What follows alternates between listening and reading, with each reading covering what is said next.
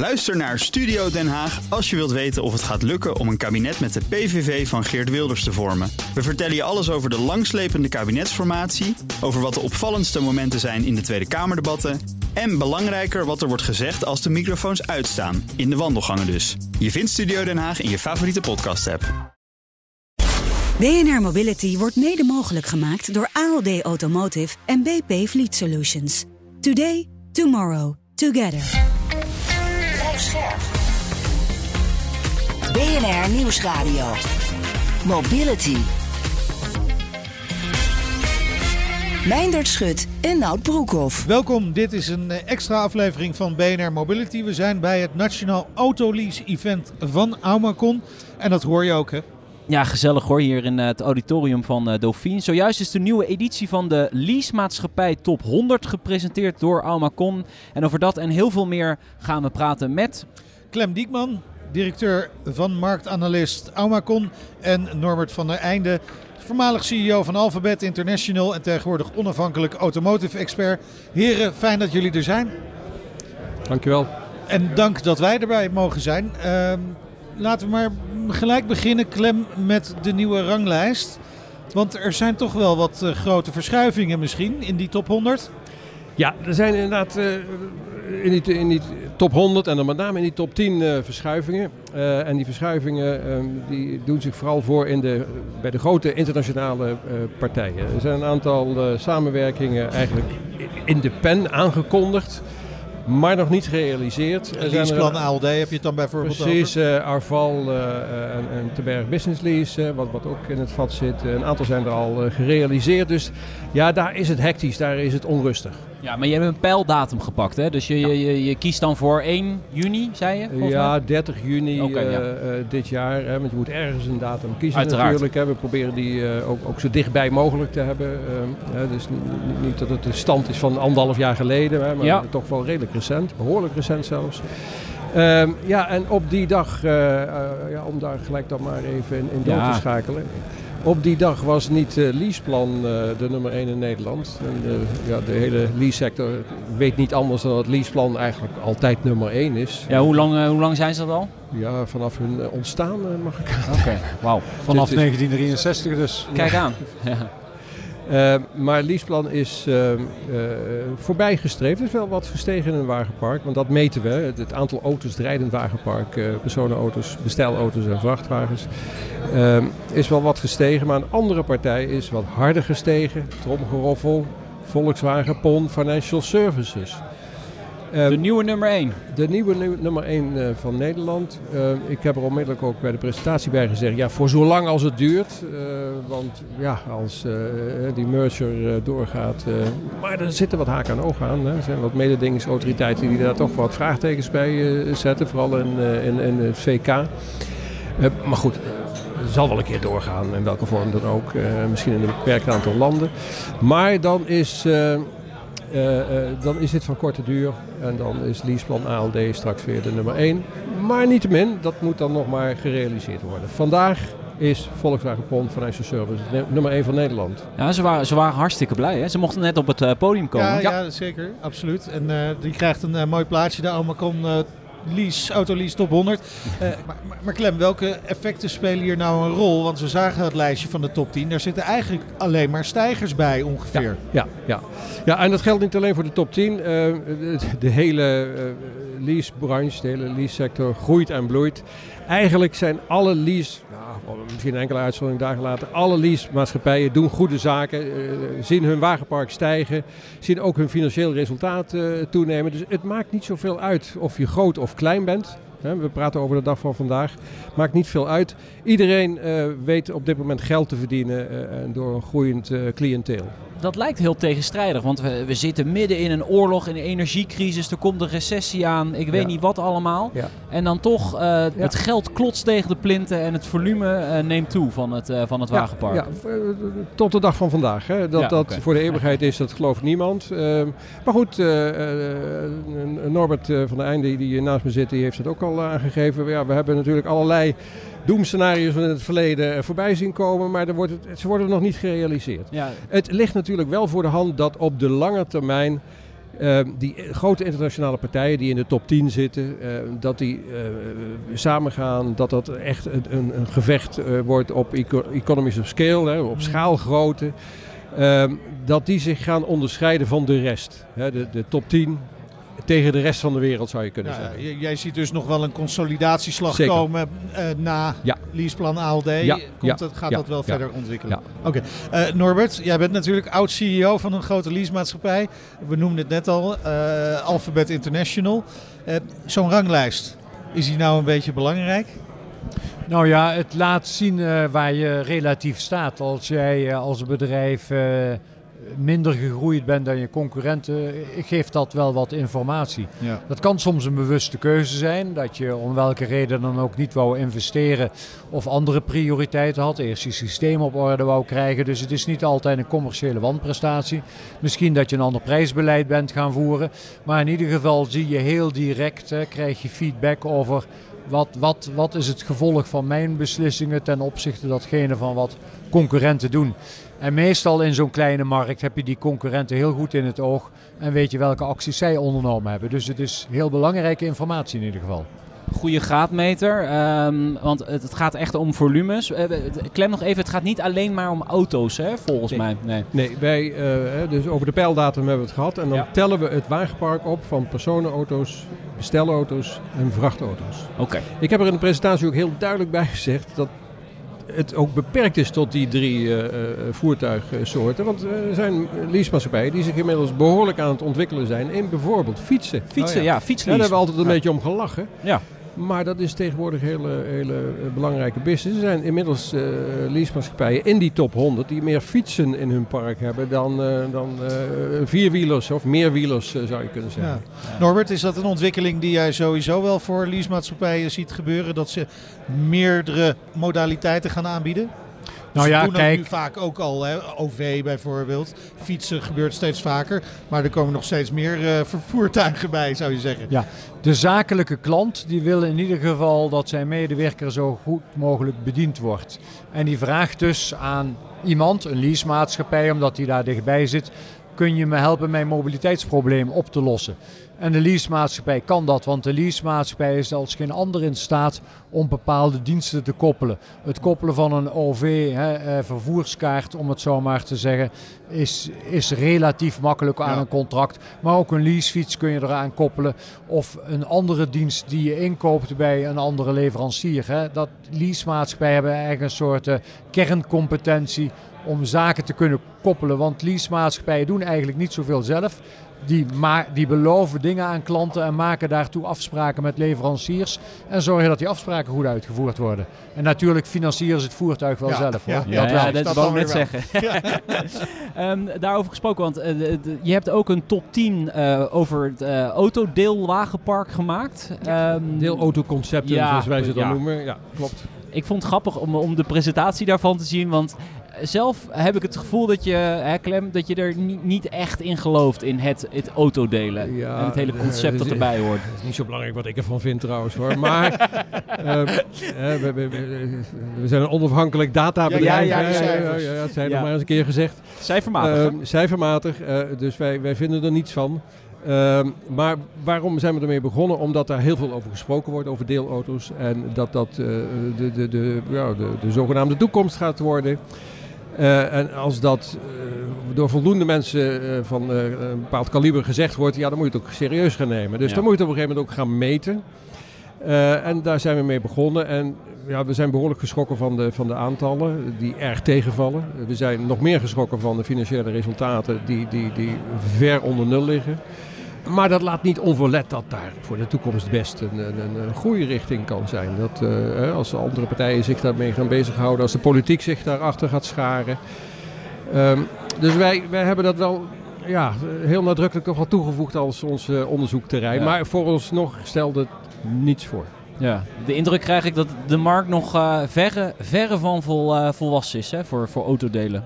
En Norbert, eh, snap jij dat? Dat dat nog allemaal in de kinderschoenen staat? Nou, het, het is misschien niet zozeer dat die markt niet volwassen is. Het is het. eh, ik ben in het verleden heel erg betrokken geweest, ook bij eh, de ontwikkeling van Drive Now. En toen waren er rapporten van grote, grote serieus te nemen ehm, bedrijven die voorspelden markten van 6 of 7 miljoen auto's in 2019 in carsharing. Nou, Oh ja. niet voor Nederland hoor, voor Europa in dit geval. Maar hè, we zijn niet eens op 10% gekomen. Nee.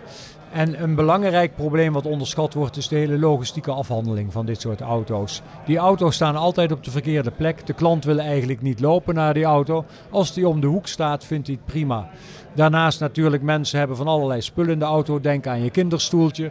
Ehm, of aan een paraplu die in een auto ligt. Of andere spullen die je voor je hobby nodig hebt. Dus mensen hechten wel enorm aan je eigen auto. In een stedelijke omgeving speelt natuurlijk carsharing kan een behoorlijke rol gaan spelen. Maar die moet die auto echt betrouwbaar ehm, op korte afstand van de gebruiker staan. En met betrouwbaar bedoel ik iedere keer als die wil, moet die auto er gewoon zijn. Ja. Anders raak je snel teleurgesteld door het, eh, door het concept natuurlijk. Mijn en ik hebben het altijd over hoe vies die auto's zijn. Nou ja, ik ben wel eens in Parijs geweest bij het autodeelconcept daar.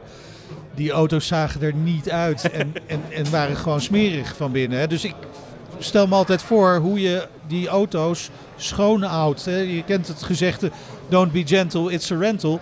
Ik vrees heel erg dat mensen zo naar zo'n deelauto gaan kijken. En dat ze dan toch denken, ja, ik kan ook voor 100 euro kan ik, een- kan ik een eh, private lease auto voor de ik deur toch wel hebben. geroepen om, om, Ja, ja. om een pleidooi je voor, voor, voor de deelautosector eh, eh, Nee, ja, maar goed, als je voor 100 euro een, een, private lease auto kunt krijgen, waarom zou je dan een deelconcept Eh, eh, gaan? je eh, kunt geen private lease voor 100 euro nou, dat kon wel. Dat kon wel. En die tijden komen misschien maar wel weer terug. ik denk niet dat die tijden terugkomen. En private lease is op dit natu- moment natuurlijk veel duurder. Op dit moment wel, ja. Maar dat is, dat is op dit moment markt-issues natuurlijk. Gewoon Nou, ik, ik denk dat autoprijzen eh, in de komende periode niet zodanig gaan dalen dat eh, private lease nog... En dan heb ik het over op grote Ja. schaal. Hè. Altijd zal er wel een aanbieder zijn op 199. Maar ik denk dat dat prijspunt eigenlijk wel verlaten is en voorlopig niet terugkeert. Maar, maar Clem ging een lans breken voor eh, de Ja, ja, ja. Nou, onder bepaalde omstandigheden.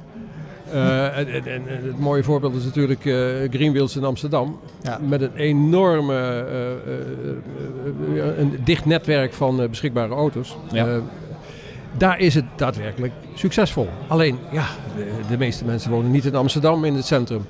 Maar daar is het wel degelijk rendabel te krijgen. Maar de schaal is te klein. maar de, de ervaringen daarvan, mijn eigen kinderen voorop moet ik zeggen, die zijn daar meer dan uitstekend. Beschikbaarheid is goed, ze zijn niet, niet vuil, eh, eh, er zijn geen nare dingen mee, mee aan de hand. ehm, in de regel, er gebeurt natuurlijk wel eens wat in zo'n centrum. Maar daar is het wel te doen. Maar het is te klein om dat schaalbaar te maken. Ja. Maar ehm, ik had het toen net al over het logistieke probleem. Dat is precies het voorbeeld wat jullie, geven in Parijs. Je moet dus auto's ten eerste verplaatsen naar de punten waar de vraag is. Want anders Ja. rijden ze 's ochtends allemaal dezelfde kant op en s'avonds is het allemaal dezelfde kant op. Net zoals de gewone privéauto. Je moet zorgen dat ze getankt zijn of geladen als het elektrische auto's zijn. En je moet zorgen dat ze schoon zijn en dat ook het uiterlijk redelijk is. Overigens even ter aanvulling. Het is zo, dat weet ik vanuit de lease-sector. Mensen in Frankrijk stellen andere eisen aan Oh ja, het uiterlijk van een auto dan bijvoorbeeld een Nederlander of een dat Duitser. best, ja. Die gewoon willen dat zo'n ding schoon en anders. schadevrij is. Nee, precies. Maar dat, En- daar, daar, daar zit dus een interessant onderdeel van of het succesvol kan zijn of niet. Dat je ook nog moet kijken naar de markt. Hè. Wat vraagt de markt daar? Niet alleen de locatie van de auto, maar ook hoe ziet de auto eruit en hoe is die verzorgd? Ja. Maar je moet bij carsharing toch een onderscheid gaan maken tussen de verschillende vormen. Je hebt wa- wa- wat we noemen free floating. Dan Ja. pak je een auto ergens op en die zet je ergens terug. Ja. Dat is de meest anonieme vorm. Je hebt natuurlijk ook, laat ik zeggen, station-based. eh, waarmee ik bedoel, die auto staat op een bepaalde Ja. plek. En die, moet, en die moet Ja, terug naar ja. die plek. En dan heb je meestal hè, een besloten eh, gebruikersgroep. Ja. En dan zal ook die auto anders behandeld worden. Als je weet, dit is een buurtauto. Ja. Hier is een beperkt aantal mensen in deze straat gebruiken die auto. Ehm, natuurlijk eh, via, de, eh, via de digitale informatie. Als op een gegeven moment iemand meldt van die auto is vuil, weet je ook Ja, dus dat de voorganger het gedaan dan, heeft als die een veel grotere niet- betrokkenheid bij die auto als de Precies, buurauto ja. is, buurtauto is. Eh, en dan kan ik me voorstellen dat mensen er dan voor kiezen om misschien de tweede auto de deur uit Nou, juist dan ga je dus. eh, je kunt ook corporate car sharing denken. Ja, ja. Dus dat, eh, dat een bedrijf een aantal deelauto's in de garage heeft. Of zijn auto's deelbaar maakt. hè, van de van de, de, de, zakelijke auto's die er zijn. Dat is tegenwoordig heel makkelijk, waardoor andere medewerkers die auto kunnen gebruiken voor een zakentrip overdag. En je ziet ook initiatieven ontstaan om bij appartementengebouwen op een gegeven moment te zeggen: er is hier een gebouw met 100 appartementen en in de garage onderkomen acht deelauto's en verder is er maar één parkeerplaats per appartement. Ja, ook dan zul je dat stimuleren en heb je dus een besloten gebruikersgroep. Ja, ja, er zijn ook mensen die dan zeggen, ja, dan krijg je vooral expats en studenten in die flats en geen gezinnen. Dat ligt aan de prijs van die flat. Ja, dat denk ik ook. Zeker voor die de prijzen. Over, nou, over prijzen gesproken. Uh, die lease-tarieven, uh, dat is vandaag ook in het nieuws, uh, die, die schieten echt omhoog. Ja, en dan wordt toch altijd weer getwijfeld van, gaat die leaseauto dat overleven? Denken jullie dat de leaseauto, ondanks dat die prijzen nu echt ongekend hoog worden... Nou, we moeten niet overdrijven. Ongekend hoog is, is, is niet aan de orde. Maar auto's worden duurder leaseprijzen worden duurder. Dus het alternatief voor een leaseauto zou dan eventueel zijn een auto zelf maar aan te schaffen, maar die wordt ook duurder. Uh, nou, je kunt met het OV gaan. Verzekering wordt ook duurder. Ook duurder. Ja. ja, OV wordt, uh, uh, wordt zeker ook duurder. Ja. Maar even terug naar die prijsontwikkeling. Als je kijkt naar de afgelopen hè, 20, 25 jaar, dan met uitzondering van de laatste twee jaar, is die prijsontwikkeling eigenlijk altijd vrij um, laat, laat ik zeggen, vrij gematigd geweest. Ja. Um, het is nu typisch de laatste twee jaar en precies wat Clem zegt. De concurrent van de leaseauto is toch de auto in, in echt eigen bezit hebben. Het OV speelt natuurlijk wel een rol, maar de meeste mensen die een auto willen, willen een auto. En schakelen misschien dan door naar een kleinere auto. Vergeet even ook niet dat de auto's natuurlijk de laatste jaren behoorlijk gegroeid zijn de auto van vandaag is wel een, een maatje groter dan de auto van 20 jaar geleden. Je, je moet ook wel onderscheiden dat er, dat er zakelijke leaseauto's zijn en er zijn private leaseauto's. Uh, dat zijn twee verschillende markten, twee verschillende doelgroepen. Uh, die prijsontwikkeling, die prijsstijgingen doen zich vooral voor, dus de extreme prijsstijgingen in het private lease segment. En dat, dat lijkt er ook wel op dat het een beetje een inhaalslag is. Private lease is aanvankelijk heel goedkoop uh, neergezet, uh, geïntroduceerd. En uh, ja, leasemaatschappij ja, kunnen rekenen als de beste, zou je kunnen zeggen. Hè, konden aanvankelijk ook rekenen op hoge kortingen van, van importeurs, op die, juist die, die auto's. Ja, het, het, tijdperk van de kortingen ligt een beetje achter ons. Begrijp ik, maar toch, je zou nu kunnen denken, eh, los van het feit dat de arbeidsmarkt natuurlijk erg krap is en een, een leaseauto natuurlijk een hele mooie arbeidsvoorwaarde, secundaire arbeidsvoorwaarde is voor veel mensen. Maar misschien is het wel nu juist het moment voor bedrijven om te zeggen, we gaan, we gaan wat veranderen, we gaan het toch anders doen. Het, is, het wordt ons ook te duur. Ja, dan ga je dus in de krappe arbeidsmarkt tegen iemand zeggen, ik ga je, eigenlijk, ik ga je auto afpakken.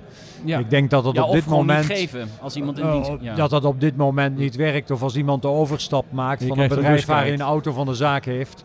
En de overstap maakt naar geen auto van de zaak. Dat, dat is moeilijk. Natuurlijk, de grote bedrijven proberen wel degelijk natuurlijk hun mobiliteit, hè, de grote corporates hebben dan over hun mobiliteit anders in te richten. Met onder andere ook het actief aanbieden van openbaar vervoer en leasefietsen en wat, wat die smeer zei. En vooral ook voor die groep mensen, jonge mensen die in de stad wonen, ehm, eh, daar slaat dat ook aan. Maar dat is een, een graduele verandering. Ja. ja. dus die, die prijs gaat geen uh, disruptieve factor uh, zijn in de lease-wereld. Uh, wat gaat nou op de lange termijn echt het verschil maken? Is dat toch die autonoom rijdende auto? Als die ooit komt? Ja. ja, dat, voordat hij echt helemaal autonoom rijdt, dat duurt nog wel even. Ik heb toen straks in de presentatie gezegd 10 jaar. Ja. En in een stad als Amsterdam is het nog moeilijker, duurt misschien nog wel langer. Ja, dat is heel optimistisch. Maar die autonoom auto, rijdende auto zorgt in ieder geval dat dat zogenaamde mobility as a service model wel heel goed kan gaan werken. Want nu werkt het gewoon niet goed hè, met die deelauto waarvoor je vier minuten in de regen moet lopen. Dat willen mensen dus niet. Als die auto komt voorrijden straks, dan wordt dat dus wel anders. Daarmee wordt de wereld niet zwart-wit. Um, in steden um, zal voor degene die, uh, die, laat ik zeggen, die, uh, die geen parkeerplaats uh, zich kunnen veroorloven, zal dat inderdaad zo zijn dat zij op zo'n deelauto overstappen. Maar mensen die of genoeg geld hebben of in de, in de, niet meer in het centrum van de stad wonen en een gezin hebben, kinderstoeltje of ja. andere spullen die ze in de auto willen hebben, die zullen toch heel sterk nog blijven hechten aan het bezit van de eigen auto. Ja. Dus het zal belangrijker worden, beslist wel, maar het wordt niet iets van eh, over tien jaar plotseling 60% eh, deelauto's. Nou, Ja, ik las dat, dat Bloomberg heeft uitgerekend dat, dat de autonoom rijdende auto tot nu toe de industrie ruim 100 miljard heeft gekost om te ontwikkelen. We zijn dus nu al 100 miljard verder. En wat hebben we nou eigenlijk? Ja, een paar auto's rijden Maximaal level 3. level 2. Ja, een paar auto's nu van Mercedes die ook level 3 kunnen van Honda in, eh, in Japan. Maar ondertussen hebben heel, heel veel auto's natuurlijk wel de, de adaptieve cruise control. Ja, dat was ja, een deel daarvan. Of hebben lane control. Ja. Of kunnen beperkt sturen. Hè. Dat zogenaamde autonoom rijden wordt onderscheiden in vijf niveaus. Hè. Dat vij- niveau 5, dat hoogste niveau. Ja, eer dat gehaald wordt, dat, eh, dat gaat langer duren. En dat hebben ze onderschat. Ja. Absoluut. Ja, Daar hebben ze te veel gekeken naar mooie gereguleerde steden. Zoals je ze misschien in Amerika hebt, zonder fietsers. Precies, dat wil ik wel zeggen. Wij, wij hebben bij autonoom rijden al onmiddellijk dat schrikbeeld van het eh, binnenstad van Amsterdam. Hè, waar, waar, we dat, waar die autonome die auto eeuwig andere mensen voorrang aan het bieden is. En, en nooit van zijn plaats opkomt. Maar inderdaad in de Verenigde Staten is het heel denkbaar. Hè, Ja. daar wordt, eh, Waar je nu al zelfrijdende taxis hebt natuurlijk in sommige eh, delen. De partij is Uber er natuurlijk hè, en Lyft daar heel erg eh, mee bezig zijn. Eh. Dat- dat, dat, kan daar zeer eh, disruptief zijn. eh. Het houdt ons in ieder geval nog wel even bezig. Ja, en Ja. voor de rest heb ik het idee dat de leasebranche niet, niet de disruptieve branche is die opeens binnen een paar jaar helemaal op zijn kop staat. Hè? Nee, Nee. Ja, jij bent ex-directeur in de leasewereld. ik, ik ben toeschouwer. Als toeschouwer eh, denk ik van nee, daar gaat de komende drie jaar helemaal niets veranderen. Nou ja, ik heb in mijn presentatie verteld, we doen al zo'n beetje minstens 30 jaar. Ik zit er eigenlijk 35 jaar in, dus zeg maar 35 jaar hetzelfde. En volgens mij blijft dat de komende jaren zo. En dat komt omdat de behoefte van de, die klant eigenlijk, hè, financiering en beheer van, van het wagenpark, die is nog steeds hetzelfde. De onderliggende auto's veranderen misschien, maar die Ja. zijn eigenlijk ook nog steeds gewoon vierwielen en ze rijden. Nu soms elektrisch, eh, maar nog steeds rijden ze gewoon en moeten ze beheerd worden. En dat is financiering en beheer zijn toch de twee hoofdtaken van die leasemaatschappij. Ja, ik, ik, ik ik denk dat daar wel één opmerking bij gemaakt moet worden. Dat ik denk dat in de toekomst de prijsverschillen, hè, de, de calculaties, wat verder uit elkaar gaan lopen. Hè. De, eh, zoals gezegd, die grote partijen die worden nog groter. Gaan anders inkopen, hebben een andere marktmacht dan, dan kleine partijen. En op dit moment, en dat heeft een van de presentatoren vandaag al laten zien, zijn die prijsverschillen echt verrassend eh, groot. Hè. Voor een en de, de, de- de product is Precies hetzelfde. Ja, ja. Echt, het het geen enkel verschil. En als het dan toch 150 euro per maand scheelt. En dat verschil gaat in de toekomst nog groter worden. Omdat daar, eh, een- eh, zoals gezegd, een andere marktmacht voor een aantal, aantal partijen eh, een, een rol gaat spelen.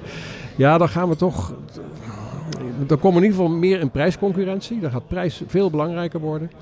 Eh, Als ook de gebruikte automarkt eh, eh, wat verder terug gaat lopen als dat die op dit moment de neiging heeft te doen. Hè. Op dit moment is het allemaal prima, prijzen zijn hoog, maar als de gebruikte autoprijzen omlaag gaan, dan wordt het nog moeilijker om te calculeren op lange termijn. Ja, dan, dan gaat er wel wat gebeuren. Blijft bijzonder en eh, goed om in de gaten te houden. Ik dank jullie wel. Clem Diekman, directeur van marktanalist Aumacon. En Norbert van den Einde, voormalig CEO van Alphabet International en tegenwoordig onafhankelijk automotive expert. Dit was een extra aflevering van BNR Mobility. Terug te luisteren via de site, via de app en elk gewenst podcastplatform. Ook in je auto, zelfs als die gedeeld wordt. Zeker wel. Ja, ja, en vergeet je dan vooral niet te abonneren. Heb je nieuws of andere verhalen voor ons? Dat kan natuurlijk altijd. Mail naar mobility.bnr.nl. Mijn naam is Meijnerd Schut. Ik ben Nout Broekhoff. Tot een volgende keer. Doei! BNR Mobility wordt mede mogelijk gemaakt door BP Fleet Solutions en ALD Automotive. ALD Automotive. Ready to move you. Bij BNR ben je altijd als eerste op de hoogte van het laatste nieuws. Luister dagelijks live via internet. Bas van Werven. En heel langzaam komt de zon op rond dit tijdstip. Je krijgt inzicht in de dag die komt op BNR, het Binnenhof in Nederland en de rest van de wereld. De Ochtendspits. Voor de beste start van je werkdag. Blijf scherp en mis niets.